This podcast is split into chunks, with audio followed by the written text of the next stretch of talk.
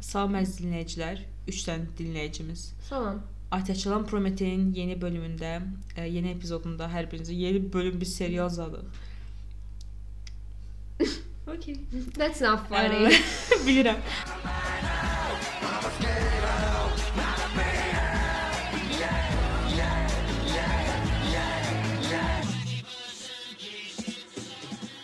Zarafatlarına gülünməyən insan olaraq artıq 1547-ci zarafatımdakı gülünmədi. But it's okay. Nəysə, mən bu- səsinə gələcəm yəni bunu Nəysə. Ə, danışa bilməyən aparıcıların təqdim etdiyi podkasta xoş gəlmisiniz. Bu gün biz ə, Bəlkə özünü təqdim edəsən. a mən Pəri, məni tanımırsınızsa. Qardaşım mənim o gün müsahibəm çıxıb gəlir, bilmirsənsə yəni. I Ne? İki nəfər oxuyub. Fair enough. Sevgi səndə bir problem yoxdur, problem məndədir. Mən oxumuşam. Utandığımla Facebookda Biri məndən, paylaşmadım. biri də sən. Bir də rəfiqənin maması, rəfiqə salam. Hə, uşaqlar, salam. Mənim də adım Çiçəkdir. Bəli, biz Məqalə gün düzdür, mən haqqında intervyu yoxdur, amma yəni heç nə. siz şeyə, şeyi tanıtmaq üçün intervyuya ehtiyac yoxdur da. Başa o o yəni gəzən description-dır. Yo. Nəysə, çiçəyin Wikipediyasını açmaq istəyənlər üçün məndən kontaktda əlaqə saxlasınlar, xahiş edirəm. Mhm, Pожалуйста. Ə, bütün ə, informasiyanı mən verəcəm şəxsən. Bilirik ki, gündəmdə son dövrlər biraz biraz yox, kifayət qədər çox kədərli mövzular yer alır. Bu mövzuların əsasında intihar dayanır və bu mövzuların əsasında yenə qadın hüquqlarının pozulması və əslində birinci burada e, biz nəsə qadınlarla bağlı bir şey deyəndə o saat bizə hücuma keçirlər ki, nəyə görə yalnız qadınlardan danışırsınız? O kişilər yoxdurmu? Əlbəttə ki, valideynləri tərəfindən çox təzyiqlərə məruz qalan ə, oğlanlar var. Və əvvəlcə bu mövzuların daxilində onsuz da, yəni bərbad valideynlərin təəssüflər olsun ki, yəni bərbad insanların daha doğrusu asanlıqla valideyn ola bilməsidir. Yəni bunun üçün heç bir tədbir gör. Yəni biz əvvəlcə bunu fikirləşirik ki, ümumiyyətlə bir insan valideyn ola bilmək üçün və bir insan ümumiyyətlə evlənmədən əvvəl psixoloji dəstəyi ilə bağlı bir test verməlidir ki, bu insan psixoloji cəhətdən ə, okeydirmi? Bu insan yəni təsdiqlənirmi? Bu insan yəni uşağını normal cəmiyyətə yetişdirə biləcəkmi? əsəb bu ikinci dəqiqədə və mən əsəbləşdim. Nəysə. Ya əvvəlcə valideynlərin e, belə deyək də sağlam bilmirəm, tərbiyəmi deyim, sağlam psixologiyaya və ya sağlam e, valideynlik fikirlərinə sahib olmayan insanların birinci gələn başlayaq ki, valideyn olması. İkinci isə ə, həmin o valideynlərin böyütdüyü uşaqların xüsusən də qız övladı olduğu təqdirdə bu qədər çox təzyiqlərə məruz qalması. Nə oldu? Vibrasiya. Hə, okeydir. Və buna görə də baxın yenə deyirik ki, yenə qadın qətilləri siyasidir. Nəyə görə ancaq qadınlardan danışırsınız? Buna görə danışırıq. Əgər o insan, əgər sevil bir qadın yox, bir oğlan olsaydı ailə daxilində, yəni o, o valideynlərin tərbiyə elədiyi bir övlad kimi, onda Ona onun yaşadığı şeylər. Eynən, yəni ki, təzyiq nə, nədir? Ya, okay, əlbəttə ki, var. Bundan danışmıram, amma mənim ətrafımda olan oğlanların təzyiq gördüyü sahə budur ki, niyə saat 2-də evə gəlmisən gecə? Heç onu da demirlər. Məsələn deyirlər ki, yəni literally adamın ağlına heç nə gəlmir. Çünki çox da yəni təbii ki, qalırlar e, strict, yəni ə, Yəni ola bilər ki, oğlanlara mənəvi cəhətdən biraz ə, necə deyim, təzyiq göstərirlər ki, yəni tez bazar ə, nəsə iş qurmalısan, pul qazanmalısan, ə, nə bilim əskəriyə gedib gəlməlisən. Bu əlbəttə ki, başa düşüləndir və biz bunun hər hamısı fərqindəyik. yeniyetmə dövründə də şey deyirlər. Oxu. Oxumaq istəmirlər çünki çoxlar. Və basit edirlər ki, oxu. Və və bu da bir amma bu da bir yəni reallıqdır ki, qızların oxuyub çox çalışıb universitetə girməklərinə, oğlanların çalışmayıb universitetə girmələri arasında çox fərq var. Çünki oğlanlar yəni elə bir mühitdə böyüyürlər ki, onsuz da e, yəni intellektual olurlar çox vaxt. Bəziləri o seçilmişlər də yəni ki, e, avara tayfadan olmayanlar. Biraz oxumuş insanların oturub duranlar. Onda o qızlar da elə olur da. Həmin mühitdə qızlar da elə olur. Bilmirəm, məncə qızları biraz çox sıxırlar ki, yəni intellektual olmamalısan. Bir növ ondan Məncə Bakıda elə bir şey yox deyə. Çünki Yox, e, Ə, buna bilirsən- buna sənə demirlər ki, çiçək, kitabı qoy əlinə yerə, sakitləş, intellektual olmayacaqsan. Ya, Okay? ya. Bu məndə amma şuuraltı olaraq nəsə şey deyirlər. Sən necə olur bizdə? Əslində ə, problem bundadır ki, uşaq vaxtı ə, qızlar daha çox oxuyur Hı -hı. həmişə və oğlanlara çox da fikir vermirlər, oğulluqda olurlar. Və həmişə deyirlər ki, sən ə, məsələn də qardaşından daha yaxşı bilirsən Hı. Və zorsan da. Amma sonra böyüyəndə necəsə olur ki, universiteti bitirirsən, nə bilim, e, minlə ala bir doktorski verib qutarmısan Və şeydir də sən amma ə, Kifayət deyilsən. Bütün yəni uşaqlığın boyu səni daha üstün tutublar. Çünki sən daha sənə deyirdilər ki, həmişə sən ağıllısan. Çünki sən uşaq olanda, başa düşdün, ailənin belə deyək də, sən uşaq olanda sənə bir məna daşımırsan da, yəni bir namus və qeyrət kimi. Böyüdükcə o qorxu artır atalarda. E, və əgər böyük qardaşın varsa, böyük qardaşında. Əgər yəni o men o mentallıq varsa da onlardakı, "A, bacım mənim qeyrətim" falan. Onda artıq o belə deyək, mentallıq onları o qədər üstələyir ki, bir növ sənə bir şəxsiyyət kimi yox, sənə yalnız bir m, məfhum kimi baxırlar ki, onu sənin üstünə yükləsinlər ki, mən görürsən qızıma necə davranım ki, qeyrətimi qoruyum. Yəni bu uje məsələ olmamalıdır da. Problem bilirsən həmdə nədədir? Universitetə daxil olsalar belə, yəni onu dəstəkləsələr belə, nə qədər də dilləri universitet oxu, nə bilim təhsilli ol falan. A, Ya onun ar- arxasında belə dayanır ki, universitetdən müəllimlik oxu da, ya da ki, nə bilim, həkimlik. Heç Ə, həkimliyi də qoymur. həkimliyi də çox həkimlik demirlər. balı çoxdur, sənin beynin üçün deyil məsələn. Mhm. Qadın hüquqlarından danışanda yazıçılardan danışaq. Yazıçılardan danışmayaq. Ə, internetdə görürsüz, Sevil qızın adı Sevil idi deyə. Ə, Cəfər Cabbarlının Sevili ilə çoxlu müqayisə olunur. Ə, ona görə də elə biz də düşündük ki, bu gün biraz Cəfər Cəfər Cabbarlının əsərləri haqqında danışaq. Çünki ə, səhv eləmirəmsə 6 pyesi var. Ola bilər. Səhv, yəni Cəfər Cabbarlının Əlimizin altında internet var, amma biz özümüz burada biab biab etmək istəyirik. 6 olmalıdır. 6 olmaz, biraz çox olar bəlkə də. Mən demək istədiyim o idi ki, Cəfər Cabbarlının əsərləri əsasən ə, bir bir neçə əsərləri ə, qadın hüquqları ilə bağlıdır. Və ona görə də biz bu gün həmin o pyeslərdən danışacağıq. Onların arasında ə, və çoxsunun adı, çoxunun adı elə ə, qadın adlarıdır. Məsələn, Almaz, Sevil, Bərsənət Dilbər, Dilarə, Gülzar, Vəfalı Səriyə, bunun kimi pyes əsərlər, pyes və yəni pyesləri.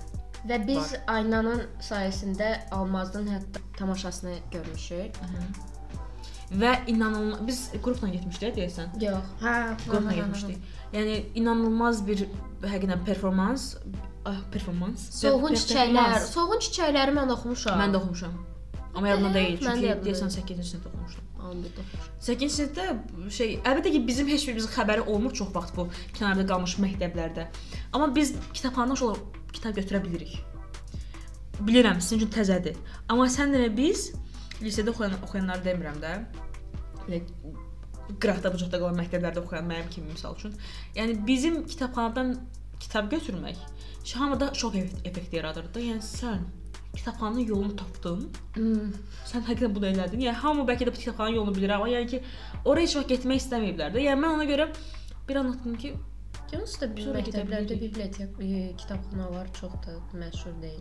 məşhur deyil və amma orada çox yaxşı şeylər var, yəni nəşrlər var idi. Ola bilər. Amma məsələn bizim 110 mən 115-ci məktəbdə oxuyanda getdim ilk günlərdə e, kitabxanaya. Sən Yox, elə belə qım, əllə ha, qırmışam. okey. Hə, getdim kitabxanaya və bir dənə normal kitabları Aleksandr Dumanın 3 muşketyoru idi, başa düşdün? Başqa heç nə tapmadım da mən orada. Özü də köhnə-köhnə şeylərində, başa ə, nəşrlərin. Ona görə də məktəbdən məktəbə də fərq var. Yəni Hmm. 115 də qı- qıraqda bucaqda bir məktəbdir, Bespantovun Bespantov deyirəm də, yəni Bespantov bir məktəbdir, amma Bizdə 267 nömrəli. Bizdə hər şey var idi. Yəni əkinçinin ə, transliterasiyasının 3-4 cildi falan hər şey var. Çünki ha, burada əsasən dərsliklər. Ha, yox, bizdə prezident sərəncamı ilə bu son dövrlər, son dövrlərdə nə yəni Bəhtər. 2003-cü ildə deyəsən. Mən tutulmaq istəyir görürsüz, mən bir şey demirəm ki. Mən bir şey deməm DTX. Əgər qulaq asırsanız, please. Bunu kəsərsən. Yox. Orda 2003-cü ildə səhv eləmirəmsə sərəncam verilib ki, Kiril əlifbası ilə olan ə, əsərləri latın əlifbasına keçirsinlər. Amma əmin deyiləm neçənci ildə imzalanmış bir sərəncam idi. Yadımdan o sərəncam. Amma bilirəm ki, Heydər Əliyevin yox, İlham Əliyevin. Amma bilir Amma bilirəm ki, Heydər Əliyevin yox, İlham Əliyevin ə, prezident olduğu dövrə düşür. Yəni onun sərəncamıdır. Böyük ehtimalla 2003 ildir həqiqətən. Hə, olar elə. Hı. Vəbşim, yəni ona görə o şeylər, kitablar çoxu var idi. Nəysə, Cəfər Cabbarlı. Cəfər Cabbarlı 20-ci əsrin əsrin Mhm. Cəfər Cabbarlı 20-ci əsrin Azərbaycan ədəbiyyatının ən görkəmli yazıçılarından biri idi və ə, vaxtı ilə ə, yəni öz yaşadığı bir dövrün problemlərini işıqlandırıb və həmin təəssüflər olsun ki, həmin problemlər 21-ci əsrə də keçib ki, biz bu ə, pyesləri ə, tarixi öyrənmək üçün yox, bugünkü ə, gündəmi başa salmaq üçün oxuyuruq. Nə dedim o? Qəşəng baba söhbəti. Ə, deməli Sevil əsəri 1928-ci ildə yazılıb və ə, əsərin, pyesin baş obrazı Sevil adlı xanımdır. Sevilin yoldaşı Balaş və 10 yaşlı övladı Gündüz var.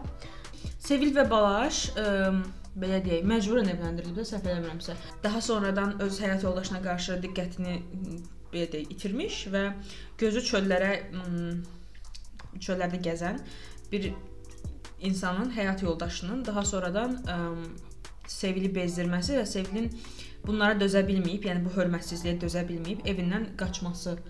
Qaçması deyil də, yəni təhsil almaq üçün xaricə getməsi ə, mövzusuna aiddir və daha sonra Sevil ə, xaricə təhsil alır.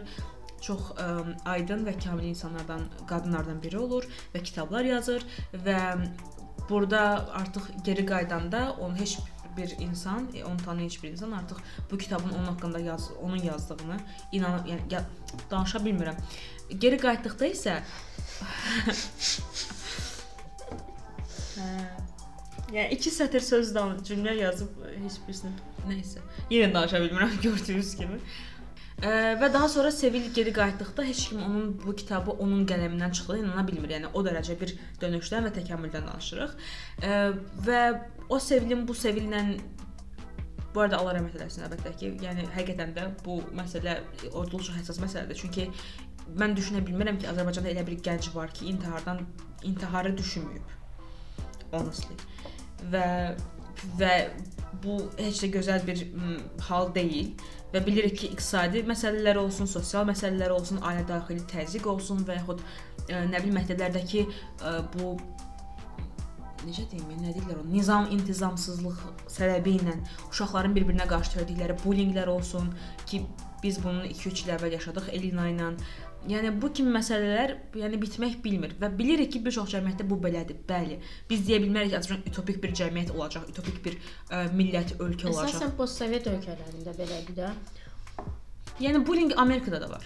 Var. Avropada da var. Amma Yəni postsovet ölkələrinin bir oxşarlığı var ki, hamısının. Olduqca qara qadına belə döz deyirlər, başa düşdün hamısı. Yəni onlarda biraz o Yəni I'm free, I'm şey yoxdur da, başa düşdün? Dözməlisən. Free will. Yəni əslində belə deyək də, Amerikada və ki, Avropada olan bullying hamıya qarşı bullying var. Ha, Bu bu yəni oradakı insanların kobudluğu hamıya qarşıdır. Belə deyə bilərik. yəni mən ə, qadın baxımından deyirəm. Yəni mən də onu deyirəm ki, Amerika, daha- Avropada heç olsa o o şey, yəni diskriminasiya eləmirlər, Hmm. mm. azdan hamıya qarşı kobuddular. Azərbaycanda və ya digər sən demiş postsovet ölkələrində isə biraz m, biraz biraz Məsələn, deməzdim, biraz çox qadına qarşı biz yenə diskriminasiya. Sevildən qaçdıq. Nəysə də, hə, bu Sevildən o Sevili bağladıq da. Hə. Və problem bundadır ki, o gün Baku TV eləmirəmsə video paylaşıb, atasından müsahibə alıblar. Və kommentlərdə yazıblar ki, siz niyə bunu bu qədər işıqlandırırsınız ki? Bu qədər qazi şəhidlərimiz var, onları heç bu qədər işıqlandırmırsınız. Bu ə, tamamilə bu, bu da şeydir, yəni ki bu ə, Baku TV, daha doğrusu Baku TV deməzdim. Bu ə, o insanlardakı telefonun ə, səs yadımasını açıb tualetə tutursan yəni ki, danış. Yap, yap. Yəni, yəni bununla bir fərqi yoxdur. Tamamilə tupoy, cahil bir fikrincə fikirdir və mən bununla kateqoriçski protivəm. Bilən bütün Azərbaycanda əsəbləşdim, unutdum da yəni. Bəs siz nə səbəblə yəni- danışdığınız dil hansıdır? Sual, günün Big sualı. question. Hı -hı. Yəni qazi şəhid okey, yəni onlara heç kim bir söz demir və mən düşünürəm ki, ə, dövləti bilmirəm, amma biz tərəfindən, yəni sadə vətəndaşlar tərəfindən çox böyük hörmətlə qarşılanır bu mövzu. Düz deyil, düzdür. Ona görə də qadın hüquqları ilə nə bilim qazi şəhidləri bir tutmayın. gənc Çünki bu ilə. tamamilə başqa problemlərdir. Siz demirsiniz axı ki, məsələn, ə, yollar pisdir, demirsiniz axı, nə olsun yollar pisdir. Bizim qazi şəhidlərimiz də var. Yəni eyni bir şeydir də.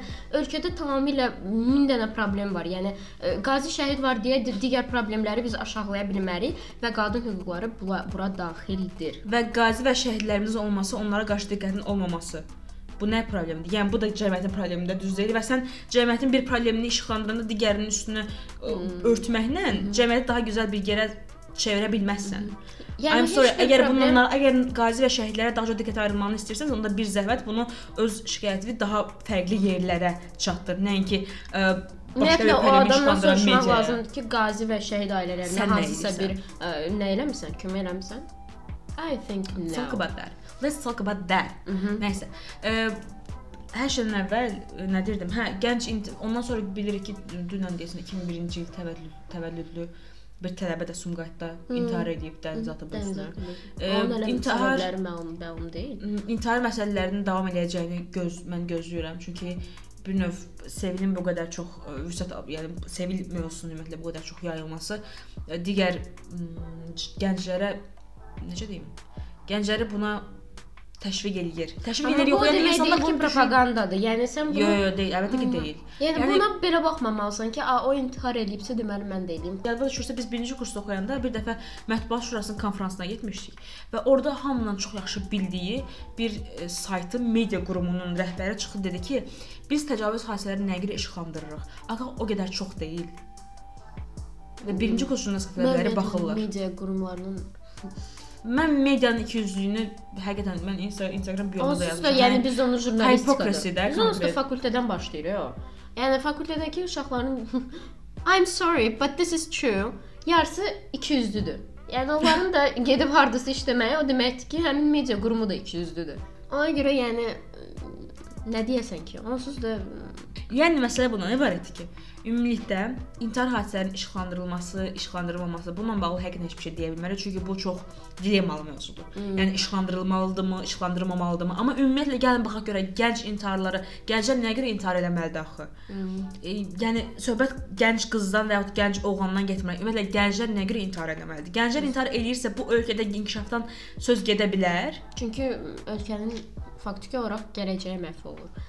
Yəni hər insan potensial bir nə bilim şirkət rəhbəridir və yaxud da ki hansısa ə, elmi dərəcəyə sahib eynən insandır və yaxud nə bilim müəllimdir, həkimdir, bilmirəm fizikdir, bir şeydir. Yəni lap fəhlədir tutaq ki, amma o bizə kömək eləyir və o da bizim cəmiyyətimizin dəyərli bir parçasıdır. As well as we are, yəni ki, biz də işsiz gənclər olaraq. və çox xahiş edirəm, əgər bizi elə bir intihara yönümlü bir insan dinləyirsə, Əslində məsələ bundan ibarətdir. Həqiqətən həyat onsuz gözəl bir yer deyil, çətindir və bunu həyatı özün üçün necəsə gözəlləşdirməlisən. Çünki başqa bir yolu yoxdur. Əgər yalnız pis tərəf və mən e, 7 saat, nə bilim 7-24 e, demirlər. Yəni 24 saatın 25-26 saatı çortda olan bir insanam. Yəni fikirləşsəm mən bu dəqiqədə problem taparam ki, məsələn oturmalıyam. Valorant yüklü Valorant oynayır.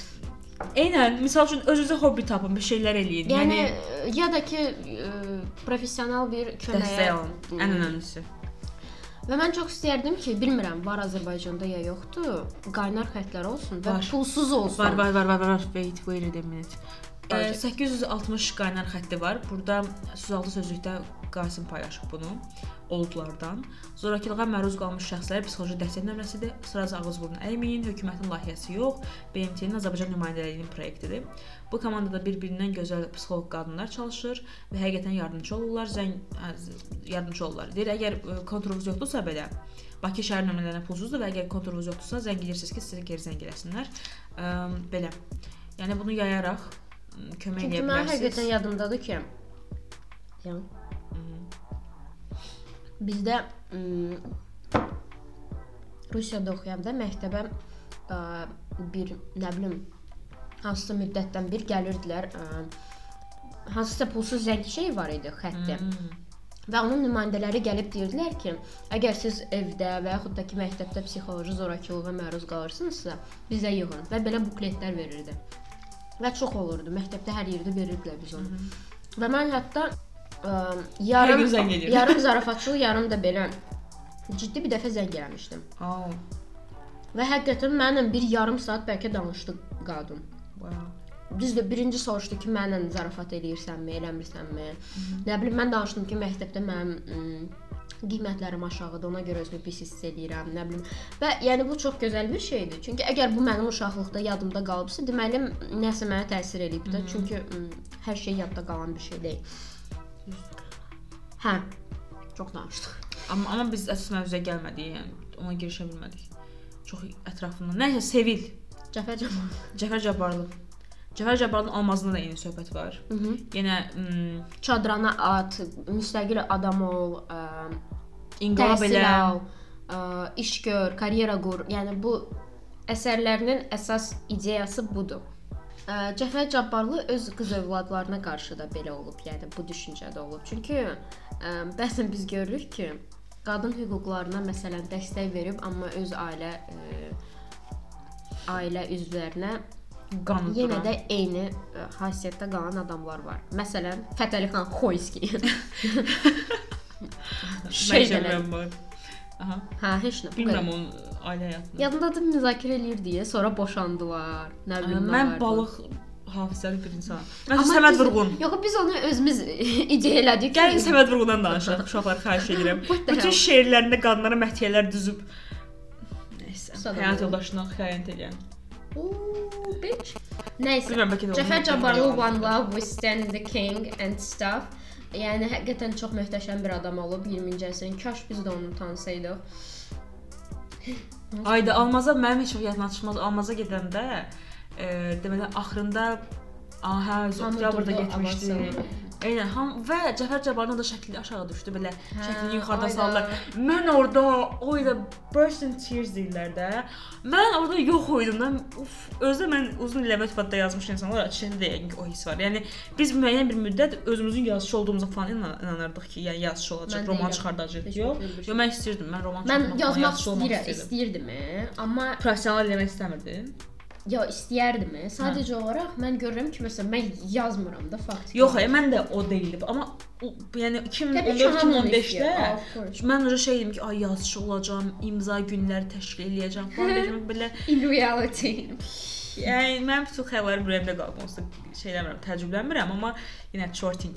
Amma hə, və yəni o şəklin oradan aşağı düşmək ki, yəni bu insan bunu yazıb, bu pyesi və onu tamaşaya, yəni tamaşaya qoyublar və o 2021-ci əsrdə hansısa bir gəncin qəlbinə toxunur və onu bu boyda çox insan, bir salon insan onu alqışlayır. Mən sadəcə olaraq orada yox, eyfariyadaydım da ki, bu nə olan şeydir. Ayda kaş teatrlar açılsaydı. Eynən, bu teatrdan açılmanı gözləyən 2 nəfər burdan var. Əgər kimsə fikirləşsə, teatrlara kim gedir? Bi- Biz gedirik. Ya da muzeylər niyə ayrı açdınız? Muzey düzdür. Mən heç vaxt mu- muzeylərdə olmamışam. Biz Ay və Mehdan çox gedirdik. Salam Ay və Meh. Biz çox gedirdik. Ümumiyyətlə bizim dostluğumuz onun üzərinə qurulub. Demək olar ki, muzey və sərgi olmasa biz görüşmürdük. Bir görüşmürlər. Pandemiya. Sözümüzün canı əvvəlcə odur ki, hər intihar edən gəncə görə inanın ki, əgər eynən bir dəfə can gedirsə, yəni bizim də canımız, yəni bir yarım dəfədə bizə azalır. Çünki bizim yaşda olan bir insanın həyatdan köçdüyünü görmək və həyatdan köçənə qədər, intihar edənə qədər nələr yaşadığını ümumiyyətlə fikirləşmək, ə, beyində canlandırmaq çox inanılmaz acı verici bir şeydir həqiqətən. Çox hüzünlü bir şeydir və bilirəm ki, bu hüznü hamımız paylaşırıq.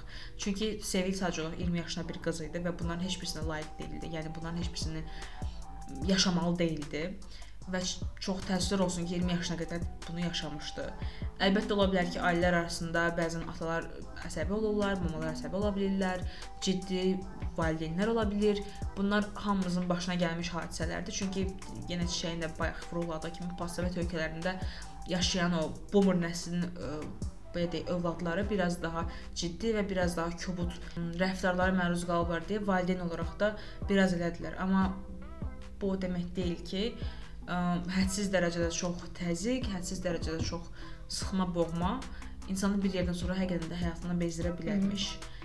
Çox uzun danışdım. Nəsə, yəni ki, bizi dinləyən hər hansı bir insan varsa, hansı ki, ə, son zamanlar çox intihar haqqında düşünür. Sadəcə olaraq bunu bunu eləmə. Çünki həqiqətən heç lazım deyil. Yaşamaq gözəldir. Eynən, yəni axır axır əvvəl bu həyata bir dəfə gəlmişik və bu necəsə davam edir də düşürsən. Yəni istər pis olsun, istər yaxşı olsun. Bəzən çox down hiss edirsən həyatın ən Yeah, that's okay. eynən deep deepest məqamında olursan və yaxud ola bilər ki, elə bir gün olur ki, həyatında bəlkə də heç o qədər xoşbəxt olmayacaqsan, Hı -hı. amma onsuz xoşbəxtlik qalıcı bir şey deyil. Ona görə də Mən də 20 20 yaşımda məsələn maşın vuranda mən də fikirləşirdim ki, yaxşı görməmişəm. Çünki m, yəni yarımçıq qalır da sənin xəyalların və bu xəyalların yarımçıq qalmaması üçün siz yaşamalısınız. Bəli, Əziz və gənclər. və heç kimə görə ölməyə dəyməz də bir söz. Mən bu qədər demək istəyirəm uşaqlar. Çox sağ olun bizi dinlədiyiniz üçün. Əgər sizin fikirləriniz varsa, buyurun, şərhlər bölməsində yazın. Amma, amma ə, qadınları pisləyən bir şərhlər görsək, silib sizi bloka atacağıq. Təşəkkür edirik. Yox, sürməyəcək, söyləyəcək. Aha, digərlərin digərləri də pin eləyəcək ki, hamı söyləsin. o dərəcədə. Yox, hətta mən demirəm ki, biz dinləyən hansısa bir insan qadınlara qarşı olsun məsələn. Mənə də elə gəlir. Amma Bizim ətrafımızdakı insanlar qızıl. Yo. 'cause you're so golden. Nəysə.